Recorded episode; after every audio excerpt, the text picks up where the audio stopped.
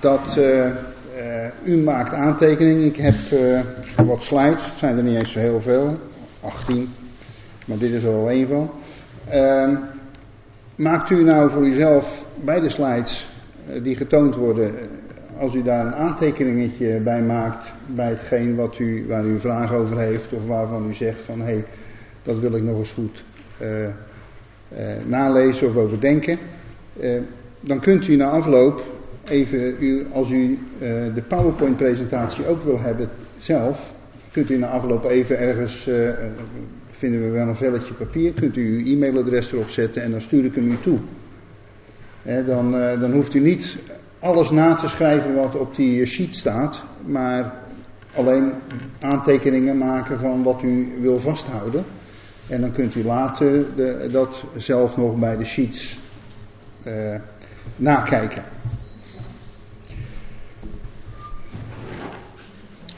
Goed, de, de studie, uh, ik, ja, ik heb hem genoemd uh, zwak in geloof en de houding van de sterke. Ik moet eerlijk zeggen, ik kwam er uh, eigenlijk pas tijdens de voorbereiding achter dat er wel, dat er wel staat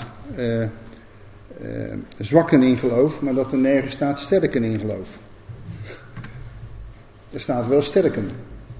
En hoe ze om moeten gaan met de zwakken in geloof. Maar er staat nergens sterken in geloof. En zo zijn er wel misschien mogelijkerwijs wat meer uh, begrippen die mogelijkerwijs door elkaar kunnen lopen.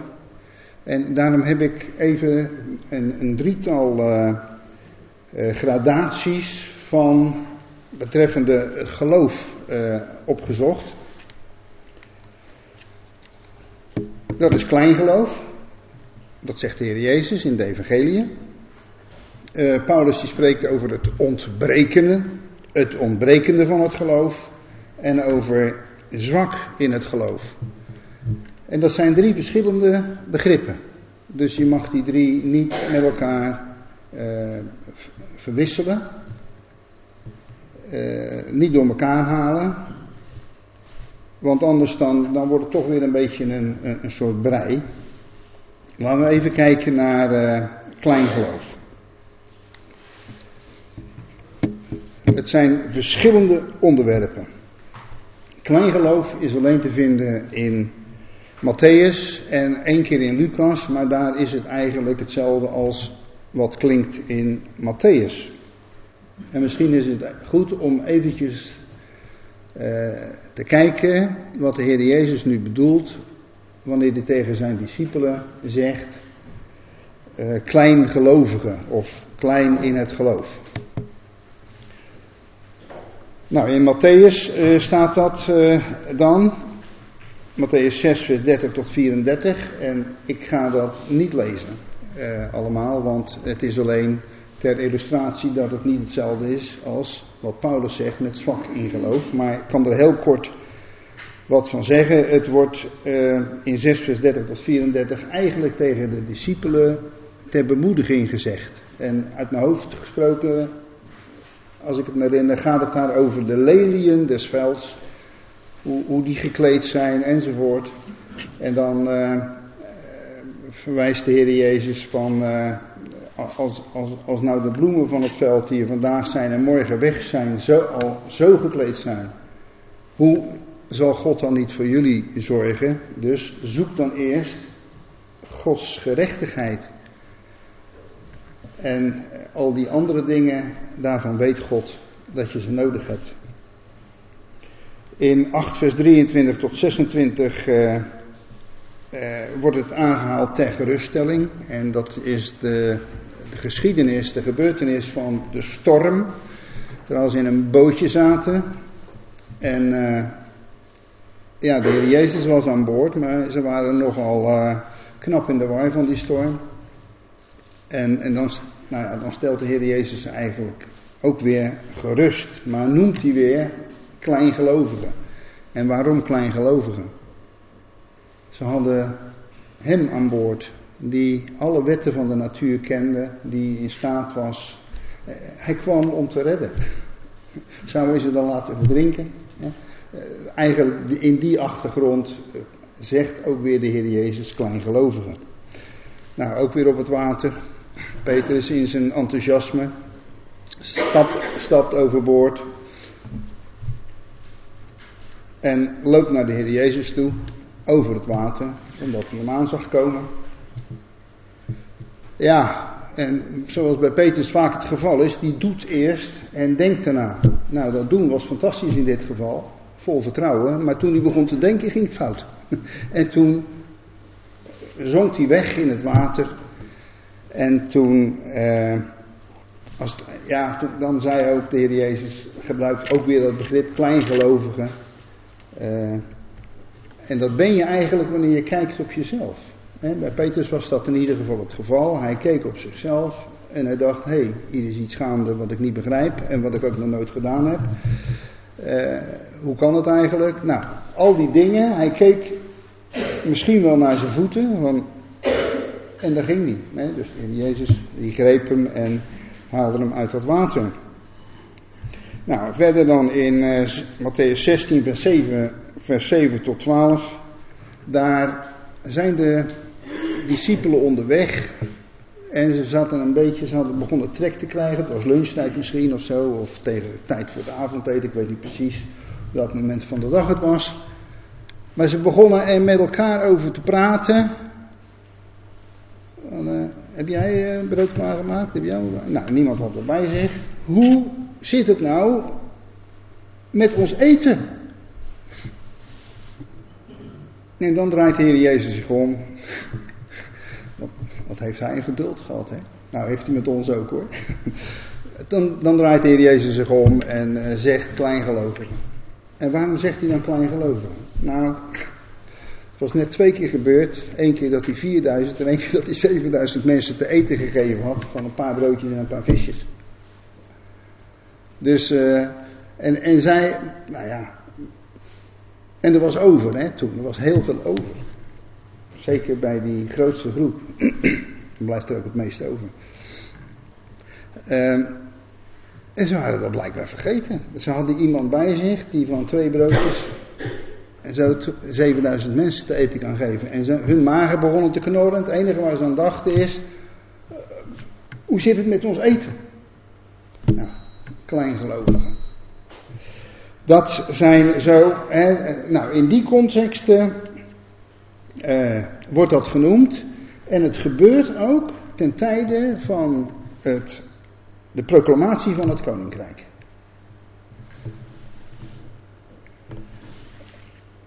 En het heeft te maken met hun fysieke noden. Nou, dat hoort ook bij elkaar, het koninkrijk en de fysieke omstandigheden sorry, die in dat koninkrijk uh, aanwezig zullen zijn, ja, die hebben heel sterk met elkaar te maken. Ik denk, het is misschien uh, een verduidelijking voor u. Kleingelovigen, het gaat over de discipelen. Nou, dan heeft Paulus het nog in de brief aan de Thessalonicense over het ontbrekende van het geloof. Want welke dank kunnen wij God teruggeven aangaande jullie voor al de vreugde waarmee wij ons vanwege jullie verheugen voor ons God. Nacht en dag smeken wij boven alle mate om jullie aangezicht te zien en het ontbrekende van jullie geloof aan te passen.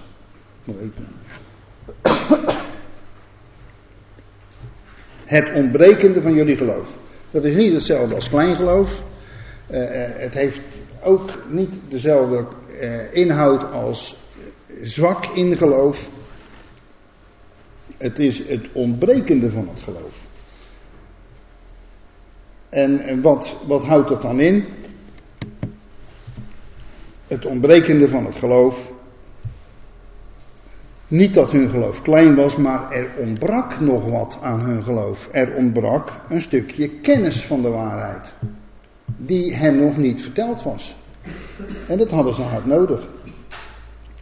De apostel wil nieuwe waarheid toevoegen, die bij hen nog ontbrak. En er waren vragen over natuurlijk. Hoe zit het nu met hen die gestorven zijn. De doden in Christus. Hoe zit het daarmee? Want, want ja, zij leefden in een wat roerige tijd, maar uh, ze, ze stonden onder grote druk. En het was zelfs zo, en dat werd ook door Paulus dan weer beschreven, dat dat is niet het geval. Maar zij dachten al dat de dag van de Heer aangebroken was of op punt stond om aan te breken. En, en die dag van de Heer die begint met die laatste jaarweek van Daniel, waarin, eh, eh, waar ook in het boek Openbaring heel veel staat. En dat zijn eh, voorafgaande aan het werkelijk aanbreken van het koninkrijk, zijn dat niet de prettigste tijden, moet ik zeggen. Daar gebeurt nogal wat.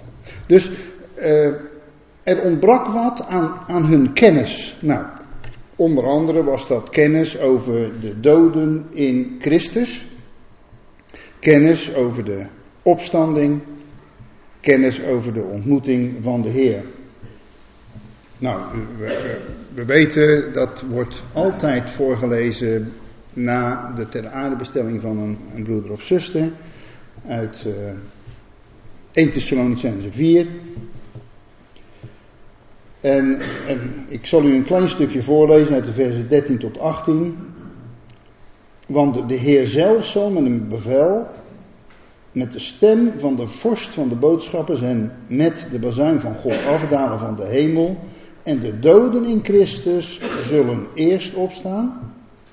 Vervolgens zullen wij de levenden, de overblijvenden, gelijktijdig, tezamen met hen, weggerukt worden in wolken tot de ontmoeting van de Heer in de lucht. En zo zullen wij altijd tezamen met de Heer zijn. Daarom spreekt elkaar aan met deze woorden spreekt elkaar aan, moedigen hè, is dat. Onder andere. Kijk, misschien hadden zij wel gehoord over de opstanding van doden, maar dan in de context van Israël. En uh, in Israël, uh, als je daarover nadenkt, dan is het zo dat de doden pas later opstaan, nadat, het, nadat de Heer gekomen is. Eh, terwijl Paulus hier heel duidelijk is dat de eerste gebeurtenis die plaatsvindt als de Heer roept, is dat de doden in Christus zullen opstaan. En dan zullen de overblijvenden veranderd worden. Hè, daar spreekt 1 Korinthe 15 over. En ze zullen tezamen weggerukt worden in wolken. Dus dat is een, eh, een, een, een, omkering van de feiten zoals dat bij Israël gaande was. Hoe zit het dan met de doden in Christus? Nou, dat ontbrak aan hun kennis. En dan zijn we nu toe aan het begrip zwak in geloof. Nou, laten we eerst eens kijken naar wat, wie niet zwak was in geloof. Dan, uh, uh, ja, dat is misschien. Abraham wordt genoemd de vader van alle gelovigen. Zowel de gelovigen uit Israël als de gelovigen die in het huidige beheer van genade leven. Want de uitspraak dat Abraham gerechtvaardigd wordt of is uit geloof werd gedaan voordat er sprake was van de besnijdenis. Uh, wordt wel een, een, een, een voor-evangelie of een eerder evangelie genoemd, kan je zeggen. Dat Abraham geloofde God en het werd hem gerekend tot gerechtigheid. Nou, wat is dan. Wat is dan niet zwak zijn in het geloof? Hij gelooft God in verwachting met wat gesproken was. En eh, soms is dat niet zo moeilijk, maar soms is dat heel moeilijk. Namelijk wanneer in onze ogen er een belofte gedaan wordt door God die onmogelijk te vervullen is, menselijke wijs gesproken, dan is God op zijn woord geloven een heel stuk moeilijker. En toch was dat het geval met Abraham. Abraham geloofde God wanneer? In de, in de belofte van een zoon na de, van de belofte, Isaac in dit geval, toen het naar de mens gesproken onmogelijk was dat Isaac nog geboren kon worden. Want Sarah's schoot was niet in staat om nageslacht voor te brengen en Abrahams mogelijkheden tot uh, verwekking van nageslacht waren ook niet meer aanwezig. Hij was ook dood, zijn schoot was dood, hoe het noemen moet. Dus dat was een, een probleem naar de mens gesproken. En Abraham geloofde God. En hij twijfelde niet, hè, niet twijfelend aan Gods belofte in ongeloof, maar krachtig gemaakt door geloof, God erend. Nou, dat is tot eer van God. Hem geloven op zijn woord. Niet met allerlei menselijke uh, overwegingen naar voren komen van ja, maar hoe kan dat dan? En, en het is toch niet mogelijk? En, en dit en dat en zus en zo. Eigenlijk bent u uh, daarin, zoals we hier zijn en, en geloven datgene wat we net gelezen hebben, namelijk uit uh, 1 Thessalonicense 4, bent u allen niet zwak in geloof. Want daar wordt iets gezegd wat naar de mens gesproken onmogelijk is. Namelijk dat wij zonder behulp van vervoersmiddelen toch naar boven zullen gaan. Naar de ontmoeting van de Heer in de lucht en later, waarschijnlijk nog veel hoger, te midden van de hemelingen zullen zijn. Het kan niet. Iemand zei net, uh, toen ik het koud had, van uh, nou dan moet je touwtjes springen. Ik zeg nou ik kom, ik kom eigenlijk niet meer van de grond.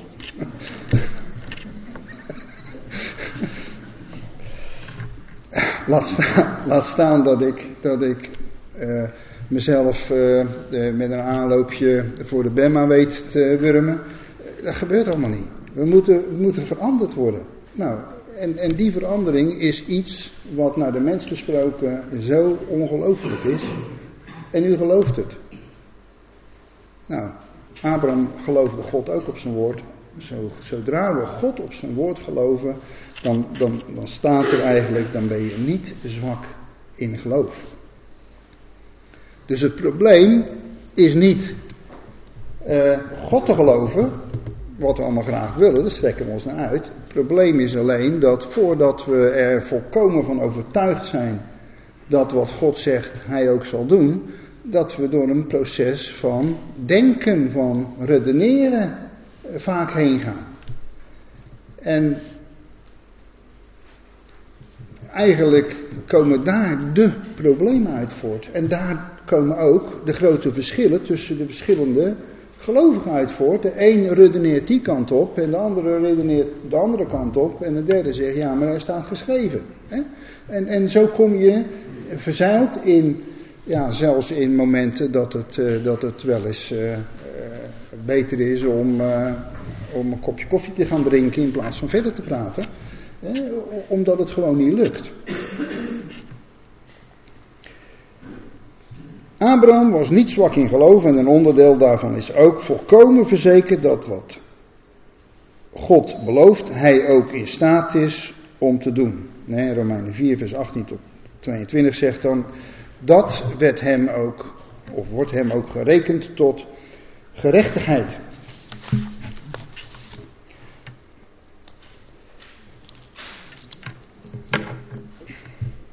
Nou, de volgende slijt gaat dan over het zwak zijn in geloof. Het zwak zijn in geloof, dat, uh, daar begint Romeinen 14 mee. Neemt echter de zwakke in het geloof tot jullie, maar niet tot onderscheiden van doorredeneringen. Nou, ik heb het u al even genoemd, doorredeneringen of overleggingen van mensen. In, menselijke gedachten uh, Gods woord aanpassen in plaats van geloof. De een gelooft inderdaad alles te eten, maar de zwakke nuttigt groente. Blijkbaar was dat in de tijd van Paulus uh, uh, vegetarisch eten, dat had te maken met groente eten. En, en dat gebeurde blijkbaar. Terwijl een ander zegt, ja, maar je mag alles eten. Nou, daar lag, daar lag best een, uh, een beetje een probleem. Omdat dat spanningen met zich meebracht. Nou, die spanningen die kan je, uh, ja, op twee manieren kan je die omschrijven.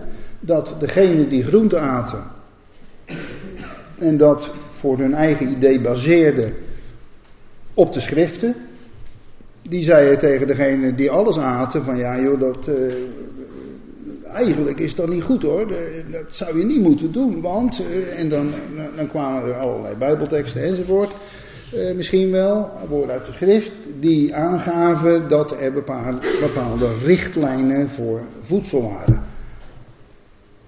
Ja, zeiden de anderen, ja, maar we hebben geleerd van, van uh, onze broeder Paulus dat er, uh, even denken, hoe omschrijf je dat dan ook? Alles is mij geoorloofd, zegt hij. Alles is mij geoorloofd. Nou, dat is een goede uitspraak, dat vind ik wel gezellig. Alles is mij geoorloofd.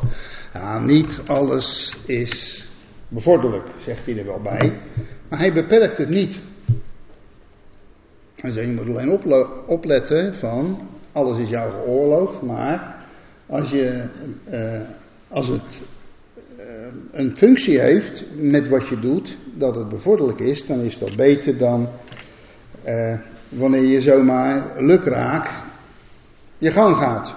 Nou, Anders heeft net al gezegd, dat er geen veroordeling is voor hen die in Christus Jezus zijn. Nou, dat is gerelateerd aan alles is mij geoorloofd. En er is niemand die jou daarvoor veroordeelt.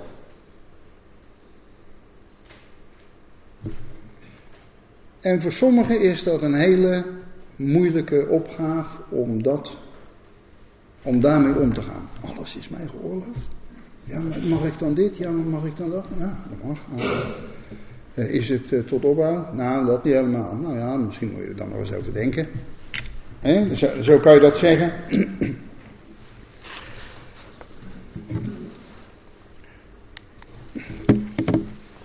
niet elkaar beoordelen. Nou, kennis of onwetendheid. Nou, bij de Thessalonische Christenen speelde het een beetje. Ze hadden, het ontbrak hen aan stukjes kennis. Als er dan anderen waren die die kennis wel hadden, dan kon je daar uh, ja, weer discussies over krijgen. Maar kennis of onwetendheid, en dat is ook in ons midden zo, en dat is heel belangrijk, uh, zouden niet de broederschap verstoren. En het, en het vreemde is, dat is nou wat er juist vaak wel gebeurt, dat het de broederschap verstoort. Als ik uh, Paulus goed begrepen heb, dan heeft een gelovig mens eigenlijk geen godsdienstige gewetensbezwaren bij wat hij eet. Maar een zwakke in geloof, hè, degene die groente eet, om bepaalde godsdienstige redenen, zou daar wel een boel uh, ja, commotie over kunnen maken. En, en waar, die dat, waar die gelovige dat dan vandaan heeft, dat hij alleen groente eet. Nou, misschien vanwege de wet van Mozes. Uh, dat daar ja, bepaalde regels gelden over voedsel. dus de zogenoemde spijswetten. Maar Paulus noemt ook verderop dat het ook kan gaan over het houden van dagen. Nou, en dat heeft in de kerkgeschiedenis toch hier en daar wel wat tot commotie geleid. En zelfs zover dat de broederschap uh, daaronder ging leiden. Het houden van de zondag is maar een voorbeeld. Dat is een, uh, uh, ja, toch wel een, een heel, een hele issue geworden in de kerken. En er zijn kerken op uit elkaar gegaan enzovoort. En dan te denken dat de zondag, nou ja, dat had dan te maken met de opstanding van de Heer. Hè? De eerste dag van de week werd dan eh, vertaald in plaats van de eerste van een zevener. en dan werd het woordje zevener, werd verwekend. Nou, eh, goed, we hebben het daar onlangs een heel een beetje over gehad met, uh, met Pasen. Een ander zegt, ja, nee, ja, maar die uh, Sabbat of die zondag, die... Hoef je niet speciaal te wijden om dan gelovig te zijn. maar het is een schaduwbeeld van het ophouden met eigen werken. En dat is een schaduwbeeld van dat God in Christus het werk volbracht heeft. Nou, zo kan je er ook tegenaan kijken. Uh, de ander die gaat meer naar de voorschriften vanuit, uh, vanuit de wet vandaan, de Sabbatdag. Hè, houdt de Sabbatdag, dat ga je die heilig. Nou, en, en dan worden er nog een heleboel andere zaken aan toegevoegd. Is het nu zo dat iemand die daar uh, veel kennis over heeft en dat ook gelooft en, en zich niet uh, laat binden door al die voorschriften, maar zegt alles is mij geoorloofd, zou die dan degene die, uh, die dan die sabbatdag houdt en alleen maar groente eet enzovoort, zouden die dan daarop moeten aanspreken en oordelen?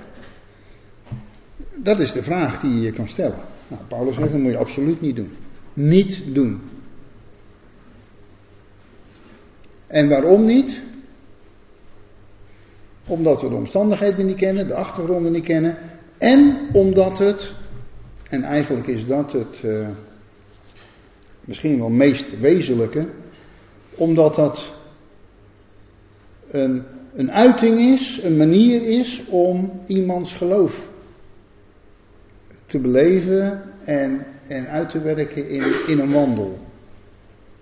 En moeten wij, daar, moeten wij aan iemands geloof komen? Vraag me af uh, of dat wel zo verstandig zou zijn. Paulus weet best, hij heeft er ook heel een aantal zaken over geschreven in de Colossensebrief, over wat wel en wat niet. Maar, maar daar, daar gaat het, eigenlijk was, was, was daar uh, het kernpunt van, kan je door bepaalde dingen te doen of niet te doen, rechtvaardig worden voor God? Nou, dan, dan zegt Paulus, hé, hey, waar gaan we nou met elkaar over nadenken? Werken om rechtvaardig te worden voor God, onmogelijk. Waarom? Omdat we al gerechtvaardigd zijn. En als je niet gelooft dat je gerechtvaardigd bent, dan ontbreekt er wat aan uw geloof. We zijn gerechtvaardigd door het geloof van onze Heer Jezus Christus. Dus wat, wat Paulus hier in Romeinen 14, en dat is misschien iets om uh, te onthouden, uh, probeert te doen, is dat hij niemand onder druk zet. Hij forceert niemand om te wandelen in overeenstemming met een geloof dat hij niet zelf bezit. En moeten we daar elkaar op aanspreken, oordelen, veroordelen? Hoe kan je wandelen naar andermans geloof? Je kan alleen wandelen naar het geloof dat God jou gegeven heeft. Je kan natuurlijk wel proberen om dat te doen en in een kramp terechtkomen, maar geforceerd dingen doen om dan een ander zegt dat het moet, terwijl het in jouw hart geen overtuiging is, en, en, en omdat het voor jou niet iets is wat, wat God je al uh, gegeven heeft. Dat werkt niet. Onze houding naar God toe is essentieel. Eten of niet eten, het houden van dagen, dat zijn geen zaken die van levensbelang zijn. En levensbelang, dat vertaal ik dan maar even voor mezelf met gered zijn of tot redding leiden. Dat is niet het geval moeten we dan elkaar verdrietig maken door daar een heleboel uh, uh, hete hoofden en koude harten uh, van te krijgen en met woorden die, die soms gewoon ook niet eens gepast zijn. Ik denk daar, daarin is onze houding naar God toe essentieel. En, en ook datgene wat God jou gegeven heeft, is dan essentieel. Er is geen enkele gelovige toegerust om te oordelen over dit soort zaken. En waarom niet? Nou, dat is wat, wat Andries ook al aangaf. Dat, dat wordt ook eh, verderop eh, in hoofdstuk 14 behandeld. Daar gaat data over spreken straks. Laat het aan God, want voor de Bema wordt alles duidelijk en zal Hij oordelen met kennis over alles. Alle achtergronden zijn bekend, terwijl wij soms niet eens de broeder of zuster eh, goed kennen en van achtergronden weten. Die zijn altijd belangrijk, achtergronden. Waarom? Wat zijn de motieven dat iemand iets doet? Goed, we gaan even terug naar alles is uh, mij geoorloofd, maar niet alles is bevorderlijk. Alles is mij geoorloofd, maar ik zal niet worden geplaatst onder hun autoriteit door wat dan ook. Anderen hebben geen autoriteit over datgene wat zij vinden dat mag.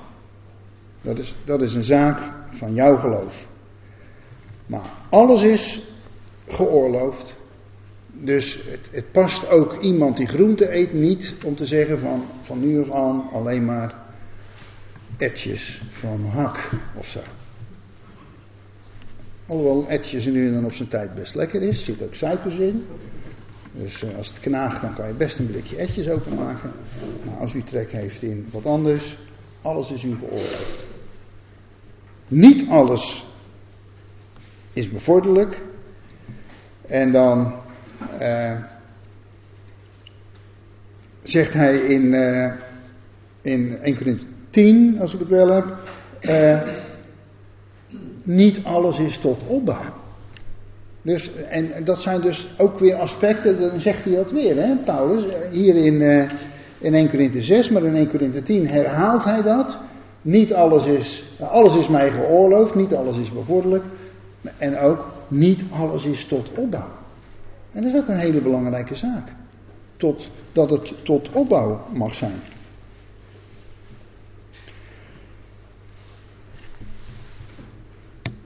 Alles is mij geoorloofd. Dit geeft een enorme vrijheid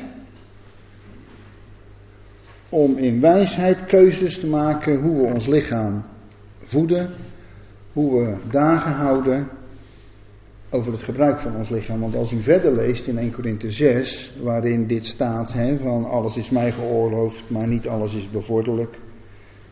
Alles is mij geoorloofd, maar ik zal niet worden geplaatst onder hun autoriteit, door wat dan ook.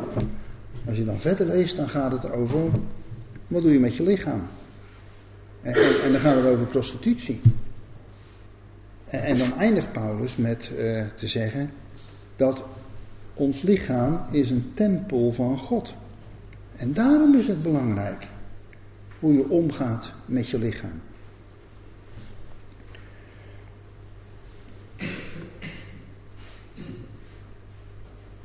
Dus, dus uh, uh, ja, soms dan heb ik wel eens het idee van uh, alles is geestelijk. Uh, dus ja, dat lichaam dat doet er niet toe. Nou, dat doet er wel degelijk toe, dat lichaam. Want een mens heeft, heeft, nou, heeft nou eenmaal een lichaam en, en met dat lichaam gebeuren dingen. En dat lichaam bestaat uit, uit vlees en uit bloed en uit beenderen. En, en, en, met name het vlees is, is dat deel van ons menselijk lichaam waarin het bederf met kracht eigenlijk uh, doorwerkt. Waar, waaruit ook die neigingen komen naar de gezindheid van het vlees. Waarvan wordt gezegd, de gezindheid van het vlees is vijandschap met God. Dus, dus in dat lichaam zijn er zoveel zaken gaande, maar God heeft zijn geest in ons gelegd. Wij hebben ook een menselijke geest. bloed, waar ik net over sprak, onderdeel van het lichaam, is ook eh, de zetel van de ziel. Onze emoties eh, en onze begeerten en onze verlangens, eh, ja, dat is, ja, dat is hetgeen wat, wat in ons, wat we, we zijn een levende ziel en we strekken ons uit naar dingen. En die dingen zijn niet altijd tot opbouw. En alles is ons geoorloofd.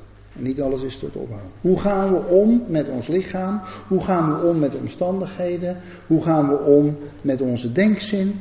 Dat zijn allemaal facetten die uh, deel uitmaken van de vrijheid die we hebben, dat alles ons geoorloofd is.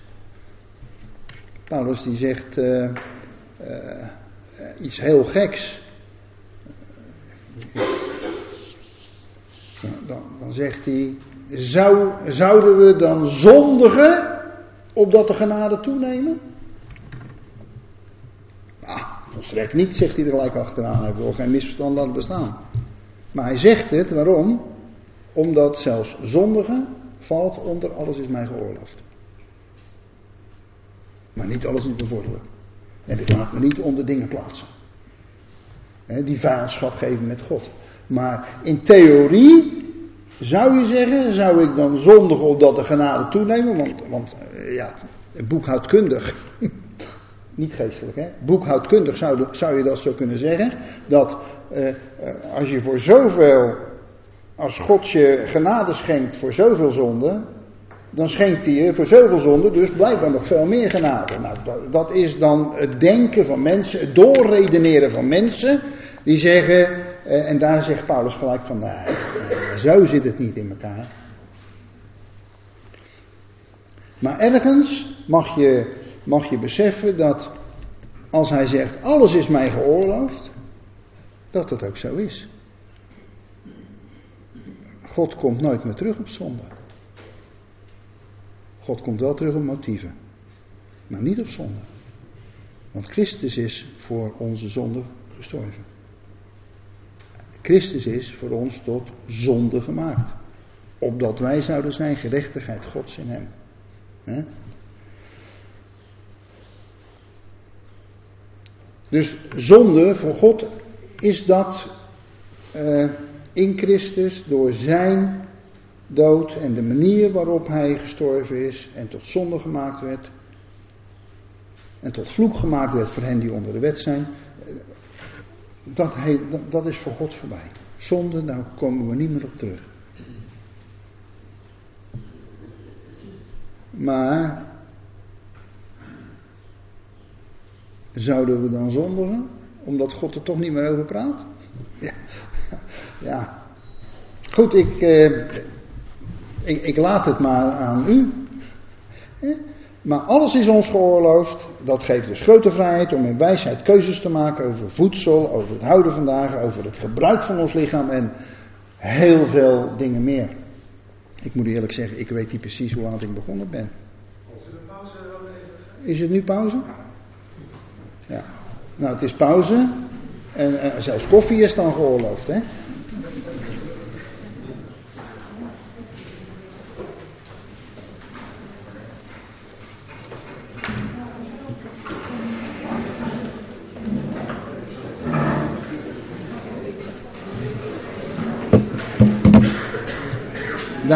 Kan ik hem...